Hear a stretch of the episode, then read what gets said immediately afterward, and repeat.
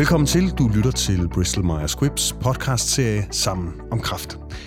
I det her afsnit, der taler vi om, hvad myelomatose er for en sygdom. Vi skal også tale om behandlingsmuligheder, samt hvad du som patient selv kan gøre. I arbejdet med den her podcast, der har vi talt med Patientforeningen Dansk Myelomatoseforening for at blive klogere på nogle af de spørgsmål, som patienter med den her kraftform har. Mit navn er Joachim Vorting, jeg er journalist og vært her på podcastserien Sammen om Kraft. Morten Salomo, tak fordi du ville besøge os her i studiet. Tak for invitationen. Du er overlæge på Klinik for Blodsygdomme på Rigshospitalet, og for overblikket skyld, så har vi delt den her samtale med dig i to afsnit her i podcast-serien Sammen om Kraft. Der er den her episode, som vi går i gang med lige om lidt, og så altså en til, hvor vi vil forsøge at blive klogere på, hvad man som patient kan forvente sig af en tilværelse med myelomatose. Lad os begynde med det mest nærliggende spørgsmål, for det er nok ikke alle, der sådan lige ved, hvad det egentlig er. Hvad er øh, myelomatose, Morten?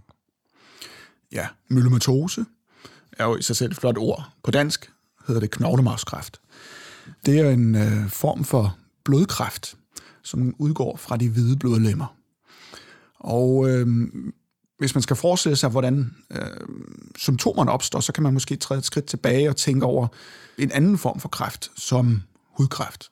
Den vokser i det organ, hvor den ligesom opstår i huden, og så laver en skade der. Her er det så ikke huden, men knoglemagen, hvor blodcellerne vokser, og også kraftcellerne i det tilfælde her. Det gør så, at de ikke opfører sig ordentligt som kraftceller. De, de skader deres omverden, øh, holder sig ikke til reglerne. Symptomer opstår så ved, at de påvirker området, det vil sige knoglen. De opløser knoglen, gnaver i knoglen, når der opstår huller. Mm. Øhm, det er det ene. Det andet er, at de andre celler i knoglemarven bliver fortrængt, og det er den normale bloddannelse, så man får blodmangel af den årsag. Opløsning af knoglesubstansen giver så, eller frigør kalk, og det kan man så måle i blodet. Og vi øh, har jo altid svært ved at huske det, så vi har nogle huskregler, og i det tilfælde er det så det, vi kalder CRAB på engelsk. Øh, fire bogstaver C, R, A, B, som hver står for et hovedsymptom. Det ene var kalken, der blev frigjort fra knoglerne, C. R står for renal, altså nyrefunktionen, og det er fordi de der kraftceller ved myelomatose øh, producerer nogle antistoffer, som de spytter ud i blodet, og som så kan skade nyrerne. A i CRAB øh, står for anemi. Det var blodmanglen, fordi de tager pladsen fra en normal bloddannelse. Og B er så knogleskaden. Det er igen cellerne i knoglemarven ødelægger det omgivende væv, her knoglen, og øh, det fører så til øh, manglende stabilitet, frakturer, altså brud på knoglen og sammenfald i ryggen. Så hvis jeg skal summere op her, det hedder altså CRAB, de her symptomer, man kigger efter. C-R-A-B. Calcium, altså kalkmangel, så er det nyreproblemer, blodmangel og øh, knoglesygdomme. Det er rigtigt. Morten, du nævnte selv øh, antistoffer. Vi ved, der er mange patienter, der nævner det her nye begreb, man bliver introduceret til, når man får myelomatose, nemlig det, der hedder M-komponent. Kan du lige prøve at forklare, hvad det er? Ja, vigtig pointe. Det var den der kraftcelle, der stadigvæk laver et produkt, nemlig antistoffer, som de spytter i blodet. Og den kan man måle, øh, og det hedder så en M-komponent. Mm-hmm. Og der er det faktisk så heldigt, at jo flere kraftceller der er, jo højere er den M-komponent. Så man øh, ved at måle M-komponent i blodet, øh, kan man ligesom se direkte, hvor mange kraftceller er der. Så hvis man giver behandling, så falder M-komponenten. Nogle gange kan den forsvinde helt. Så det giver et øh, hurtigt mål på, at man, gør vi det rigtige her? Er vi på den rigtige vej? Øh, virker behandlingen?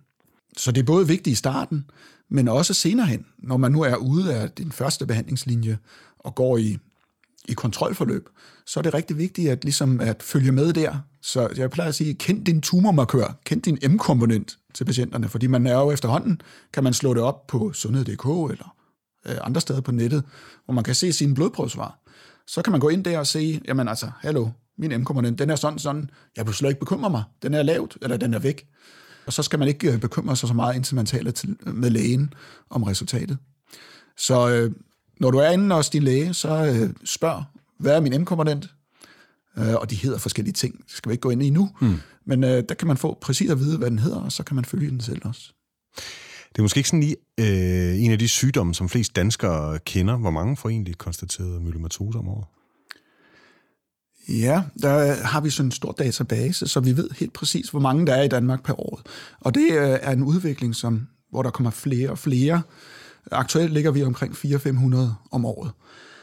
Um, så det er jo ikke sådan en særlig hyppig øh, sygdom. Mm. Hvor på vores store specialafdelinger, som behandler den myelomatose i Danmark, der er det relativt samlet. Så vi ser for eksempel på Rigshospitalet sådan cirka et tilfælde om ugen nydiagnostiseret myelomatose. Øh, det er som straks mindre hyppigt øh, hos for eksempel en praktiserende læge, så de, øh, de skal virkelig være skarpe i deres observation for at finde en myelomatosepatient, som henvender sig for eksempel med rygsmerter. Det kan være mange andre ting, men en gang er det så også myelomatose. Så det trækker nogen, eller det gør, at diagnosen trækker ud nogle gange, og det er altid ærgerligt jo. Du siger, der er en stigning her i antallet af danskere med myelomatose om året. Er der nogen forklaring på det? Det er der faktisk ikke, nej. Man har ikke identificeret nogle udløsende faktorer, altså at man spiser forkert, eller mm. dyrker for lidt motion, eller sådan noget. Nej, det, øh, det er nok mere et genetisk uheld, øh, som sker i løbet af livet, og derfor er, jo ældre man bliver, jo større sandsynlighed er, er der for, at man udvikler det. Så faktisk øh, gennemsnitsalderen på myelomatose, det er 65. Så det er jo lidt øh, op i mm. årene. Mm.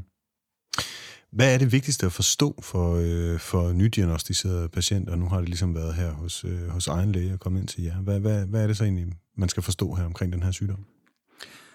Man skal forstå, at man er det rigtige sted, øh, når man lander på sådan en specialafdeling. Fordi vores opgave er jo at få styr på sygdommen, og øh, ligesom løse de problemer, der er, opst- der er kommet med sygdommen. Og det er alle de der symptomer, vi har snakket om. Og det er ikke sådan, at man skal have alle. Der er nogen, der kun har en, og der er nogen, der har alle fire symptomer, mm. eller også nogle ekstra. Så vores fornemmeste opgave er at løse de problemer ved at få kontrol over kræften.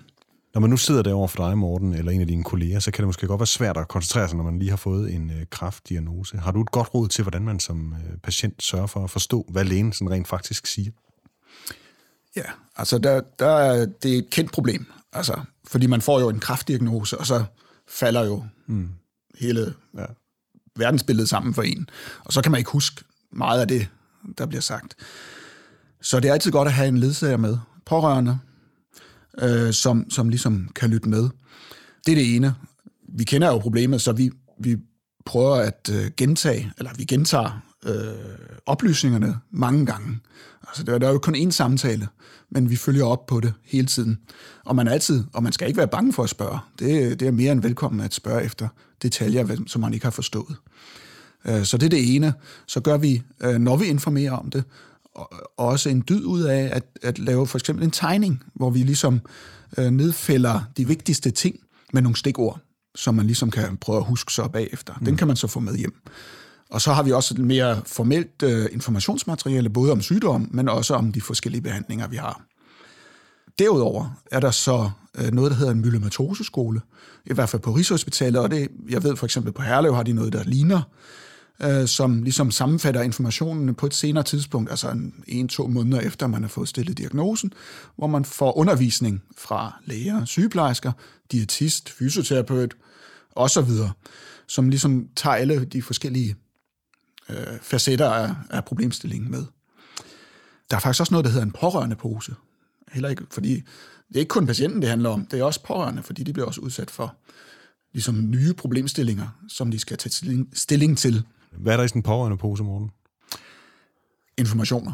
Altså, det er en virkelig reel pose, okay, som man ja. Øh, får i hånden, og så er der ja, lidt ekstra om øh, sygdommen, og hvad der er tilbud også fra pårørende. Der kan være kraftens bekæmpelse, der kan være man kan engagere sig i patientforeningen, hvilket jeg altid vil anbefale. Man kommer jo, især i starten, relativt hyppigt på, på afdelingen og i et ambulant forløb, hvor man så øh, enten møder lægen, ikke hver gang, men eller sygeplejersker, dem kan man altid spørge. De, de kender øh, også meget til sygdommen. Hvad oplever du fylder for, øh, for øh, myelomatose-patienter? Hvad fylder mest? Der kan man måske dele det op i, er man nydiagnostiseret, eller er man senere i forløbet nydiagnostiseret, der er man jo der er man præget af sygdommen, fordi der et, et væsentligt symptom, det er knoglesmerter. Og det, det gør bare ondt. Det gør rigtig ondt. Og det, det var ved i en del uger, så det er det, jeg typisk øh, fylder mest. Senere hen, øh, og det er jo, når vi har startet behandling, så får vi styr på symptomerne. Også knoglesmerterne, men det trækker faktisk typisk lidt ud. Så det, det, er, en, det er en stor ting i starten. Øh, heldigvis bliver det bedre med tiden. Og så er der andre ting, der træder i øh, frem, og det er for eksempel at møde frem regelmæssigt øh, til blodprøver og behandling. Og så kommer der også mere de praktiske problemer i livet jo. Hvor hurtigt taler du behandling med patienterne, morgen? Altså, det er jo, det taler jeg med alle behandlingskrævende myelomatosepatienter. Logisk nok, fordi altså, man skal jo informere om, øh, hvad handler det om, hvor typisk øh, skal man komme, hvad skal man tage af piller, og hvad er der af bivirkninger. Så, så det, det indgår straks efter diagnosen i samtalen, ja. Og hvilke behandlingsmuligheder er der så, morgen? Ja, der kan vi det måske dele det op, øh, fordi øh, der er selvfølgelig, og det primære er, at vi skal have styr på kræften. Så øh, det er sådan set myelomatose behandling. Og så er der understøttende behandling. Og det er så smertebehandling, det er det kan være en dialyse, hvis man har nyreproblemer. Det kan være knoglestabiliserende behandling, og så også forebyggende behandling mod infektioner. Men øh, hvis vi starter med øh, den behandling, der skal få styr på kræften, så er det noget, vi øh, ved nydiagnostiserede patienter har nogle regler for, og standardbehandlinger. Øh, der er der sådan nogle eksperter i Danmark, der har sat sig sammen og ser på, hvad, hvad virker bedst. Og det er noget, der også er under løbende udvikling, men, men så den får man primært tilbudt, og så øh, kan man tilpasse den lidt efter, hvor man har andre sygdomme, og, man, og der er noget, man ikke tåler, eller om man har bivirkninger af den ene eller anden karakter. Men egentlig er, er den sådan for alle patienter til at starte med den samme.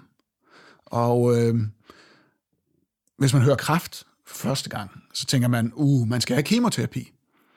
Øh, med alle de hårdt, følger, altså som hårdtab og andre øh, gener, man kender fra medierne. Mm. Øh, men det er faktisk gammeldags. Øh, nu til dag er det faktisk sådan, at behandling er, man kan kalde det en moderne biologisk behandling, hvor der indgår en kombination af, af nye stoffer, som har vist sig at virke rigtig godt på myelomatose. Og det er den, vi anvender. Hvad betyder alder i forhold til øh, behandlingen? Ja, alderen er en af de mange faktorer, vi tager hensyn til for at ligesom designe den individuelle behandling. Alder er en ting. En anden ting kan være andre sygdomme, man også har sukkersyge, højt blodtryk, hjertesygdomme af anden art, øh, som gør, at vi ligesom tilpasser den standardbehandling, de givende forhold. Som en typisk behandlingsforløb kan vi opdele i tre faser. Det ene er den fase, hvor vi får styr på sygdommen og de symptomer, der er fra start af. Og den kalder vi induktion. Mm. Så kommer det den fase, hvor vi sikrer effekten så godt som muligt for ældre patienter vil det være en variant af det, vi starter med. For yngre patienter under 70 mm. vil det være en, et højdosisforløb. Og efter den kommer der typisk vedligeholdelse.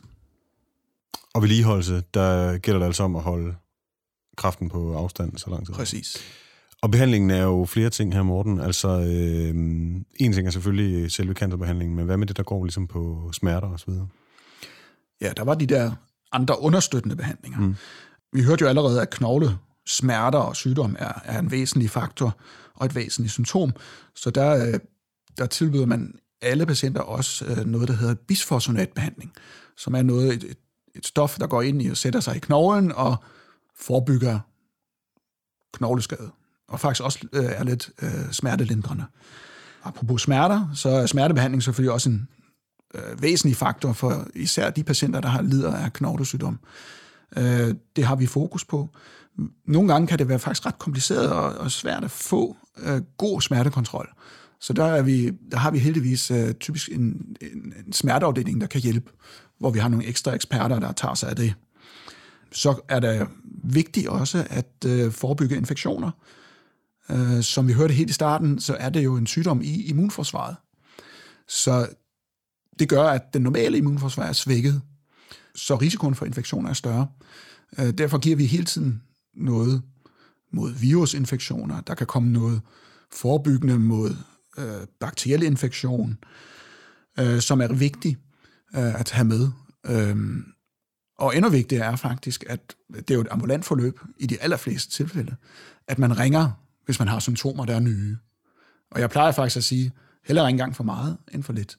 Fordi hvis man for eksempel ved feber ligger derhjemme, og normalt vil man jo måske tænke, okay, nu har jeg lidt feber, jeg venter lige en-to dage, og ringer om mandagen, hvis det er en weekend, ikke? fordi jeg vil ikke forstyrre. Men det er helt forkert i den her situation, mm. fordi med et svækket immunforsvar, så kan en lungebetændelse for eksempel få lov til at udvikle sig til noget livstruende, og der er det rigtig godt at fange det i opløbet. Så kan man ligesom afværge det uden indlæggelse. Så er der altså ikke noget med at ligge øh, derhjemme og, og, og spille helt? Præcis, det skal man ikke gøre. Har du et eksempel på en patient, hvor, øh, hvor det har haft konsekvenser? Jamen, det er jævnligt jo. Altså, fordi man er jo sådan lidt... Åh, altså, man vil jo heller ikke gå på nerverne, eller sådan noget, kan jeg tænke mig som patient. Og, mm. ah, ikke? Altså, mm. men, men det er faktisk vigtigt. Øh, man forstyrrer aldrig. Ring. Og det er faktisk sådan, at øh, vi har jo altid en, en læge på vagt, så man kan faktisk ringe 24-7, som man nu til dag siger jo.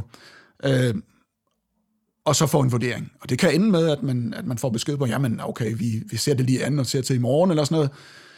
Men det kan også være, at man får at vide, jamen åh, oh, det er godt, du ringede. Lad os få dig herind og starte noget antibiotisk behandling, og så får vi afværet øh, kommunikationer ja. til tiden. Det lyder jo sådan i det hele taget som en relativt øh, sådan, øh, mangefacetteret behandling i virkeligheden. Hvor meget er der sket sådan over de senere år med, med udvikling i behandlingen? Ja, heldigvis er myelomatose en af de sygdomme, hvor der sker rigtig meget udvikling øh, i behandling. Altså bare her de sidste 5-10 år øh, sker der løbende nogle ændringer, også i den standardbehandling, jeg nævnte, mm. som man får mm. jo som øh, nydiagnostiseret myelomatose-patient. Øh, og det, det er hele tiden en forbedring med bedre effekt og færre bivirkninger. Og det kan vi også aflæse i den der database, vi har fra de danske patienter, at, at overlevelsen bliver bedre og bedre med tiden. Jamen øhm, tak, Morten, fordi du gjorde os klogere her i første del. Jeg ser frem til at tale med dig i næste afsnit, hvor vi skal tale mere om, hvad man som patient kan forvente af et liv med myelomatose, samt hvad man måske også selv som patient kan gøre for at øh, optimere behandlingen. Du finder alle afsnit ved at skrive sammen om kraft, der hvor du normalt hører podcasts. Tak fordi I lyttede med.